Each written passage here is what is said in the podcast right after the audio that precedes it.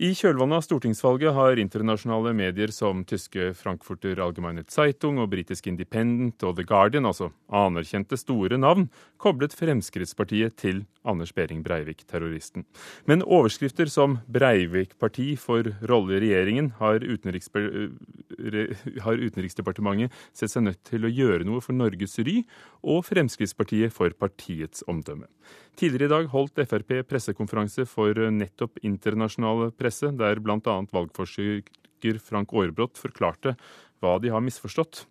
Og Nina Berglund driver nettstedet News in English. Hun var til stede og forstår at Frp føler seg urettferdig behandlet. Jeg syns at de, de, har veldig rett til å føle seg urettferdig behandlet. Og, ja, og at det var veldig, jeg tror at veldig mange av, the dekning som var eh, et problem her, var um, veldig mye produktive av journalister som ikke er i Norge, som ikke bor i Norge, som kanskje ikke er så kjent med hva som skjer her i Norge, og ikke så kjent med det politiske system. Jeg heter Bjørn Lindahl, og jeg er da frilanskorrespondent for Svenska Dagbladet og Göteborgs-Posten her i Oslo. Eh, men det er et dilemma som man alltid står innenfor. Hvordan skal man beskrive Fremskrittspartiet slik at andre forstår hva man mener. Det her var jo en pressekonferanse hvor om jeg bare ser på dem som jeg kjenner som eh, utenlandske korrespondenter, så var vi fire stykker her. Og det var vel nærmere 30 eh, som er fra Norge. Så, så effekten blir relativt liten, da. Og dessuten så var vel ikke vi de som har skrevet de artikler som de egentlig er imot. Utan jeg tror nok at eh, hvis de leser det vi har skrevet, så er de ganske fornøyde med det. Og det har jo med at eh, de journalister som tross alt bor i Norge, kan være mer nøyaktige og, og ser mer hva som skjer her. Sa Bjørn Lindahl, som altså er korrespondent for Svenske Dagbladet og Göteborgsposten.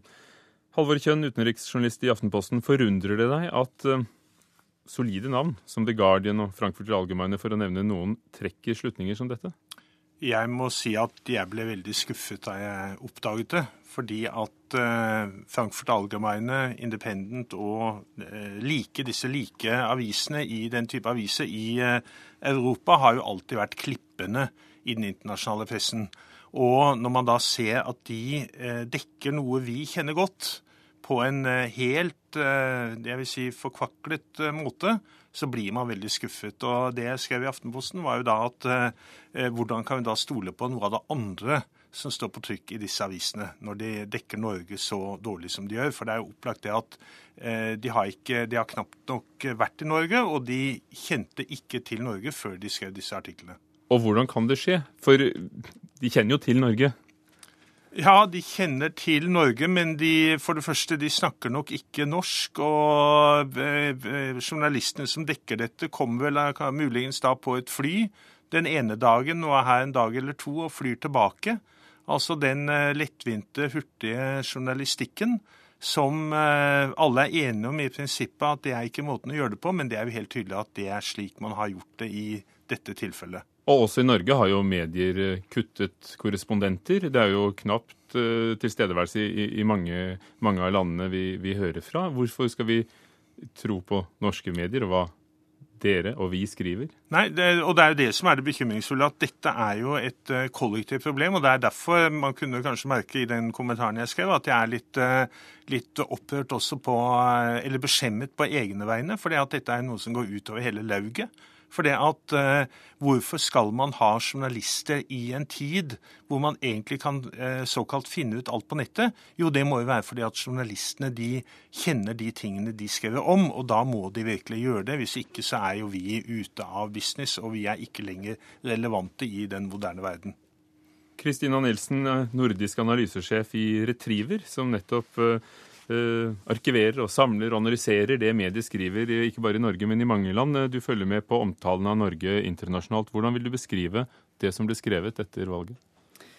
Jeg kjenner meg igjen i den beskrivelsen eh, som du gjør. Eh, det har vært veldig mange artikler som gjør eh, en kobling mellom Fremskrittspartiet og Breivik. Og det som er typisk for veldig mange av artiklene, er at det er ikke direkte feil det som står. fordi i teksten så kan man lese at Anders Behring Breivik var medlem av Fremskrittspartiet for lenge siden.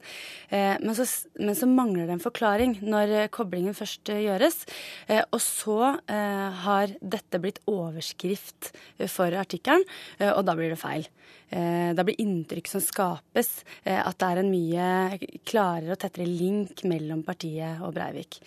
Og så fins det noen artikler innimellom der det forklares. F.eks. For Herald Tribune skriver at han var medlem i Fremskrittspartiet før han mistet troen på demokratiet. Og det er jo egentlig nok, fordi da har det blitt satt i i perspektiv. Eh, så det er det som preger mediedekninga, eh, syns jeg, i utlandet. Er det mer omtale av stortingsvalget i år enn tidligere år?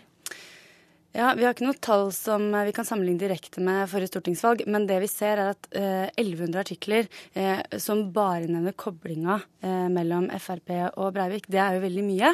Eh, og det er eh, et stort antall i forhold til veldig mange andre temaer som vi har, eh, har sett på i utenlandske medier. Så jeg ble litt overraska over at det var så mange artikler som nevner koblinga mellom Frp og Breivik. Men samtidig, når man ser på hva som er generelle nyhetskriterier i mediene, så er det ikke så overraskende overraskende. For hvis man setter seg i f.eks. en italiensk redaktørs sted, da, så tenker han eh, OK, hva er det mine lesere veit om, eh, om, Norge? Jo, det har vært terror der. Eh, og hvordan kan vi linke det til eh, valget for å gjøre det aktuelt? Jo, nettopp partiet. Og Fransk radios korrespondent i, i, Norge har skrevet en kommentar på NRK Ytring at han hadde flere samtaler med redaktører som, som fastslo at norske høyreekstremister var i ferd med å komme inn i regjering to år etter 22. Eh, juli. Men er det ikke naturlig Halvor Kjønn i Aftenposten, at eh, de trekker en parallell mellom da i Frankrike Frp og, og deres eh, parti på høyrefront, nemlig Front National? Ja, Dette er jo noe Frp må, må svare på selv. Altså, Én ting er jo å trekke parallellen mellom Frp og f.eks. Sandfinn eller Dansk Folkeparti. Det er jo en helt annen ting. Eh, og en helt annen eh, divisjon og kategori enn å, enn å eh, kline Anders Behring Breivik sammen med Frp. Altså, dette er to helt ulike ting.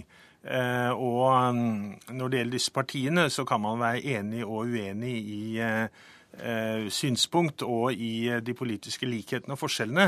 Men en helt annen ting er jo å, å, å koble et norsk parti som skal inn i regjeringen med en massemorder Eh, som jo var en erklært antidemokrat. Og det er klart at Hvis det var en kjerne av sannhet i disse oppslagene om at, eh, at eh, Anders Behring Breiviks parti er nå i ferd med å komme til makten i Norge, altså ikke mindre, ikke mindre enn, å, komme ved, ved, bordet til kongen, så er det jo klart at da, da må jo hele Europa boikotte Norge og gjøre noe med dette. Eh, sånn at eh, dette har jo det, det, det, at man får gjort noe med det norgesbildet ute, det er veldig viktig. Har språk og geografi eh, noe å si i forhold til hvordan de skriver om denne saken? Ja, eh, Når vi har gått gjennom en del av disse sakene, så finner vi at jo lenger vekk fra Norge, jo mer upresist. Og sånn som eh, svenske aviser, der finner vi jo ikke noe faktafeil.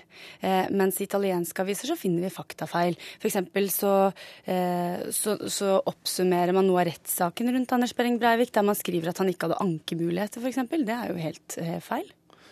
Hadde det sett annerledes ut hvis eh, det var korrespondenter som bodde her og leste daglige aviser for de store avisene ute, tror du? Ja, og, og absolutt. Det er jeg helt overbevist om. Og dette viser også viktigheten, eh, og her kommer en av kjepphestene mine, av å opprettholde språkundervisningen i skolen på noe mer enn bare engelsk. Men det er vel lite sannsynlig at de hadde lært norsk på skolen i Tyskland og England? Det, det kan hende, men har du først lært uh, ett språk og to språk, så er det enklere å lære seg et uh, tredje og fjerde, og da er også inngangen til norsk være lettere. Helt til slutt altså, kan vi jo trøste litt med at det fins mye artikler om at det kom fire Utøya-veteraner eh, inn på Stortinget. Eh, og det er jo en type omtale som har en mye mer positiv valør for Norge. Takk skal dere ha begge to. Kristina Nilsen, som er nordisk analysesjef i Retriever, og Halvor Kjønn, utenriksjournalist i Aftenposten.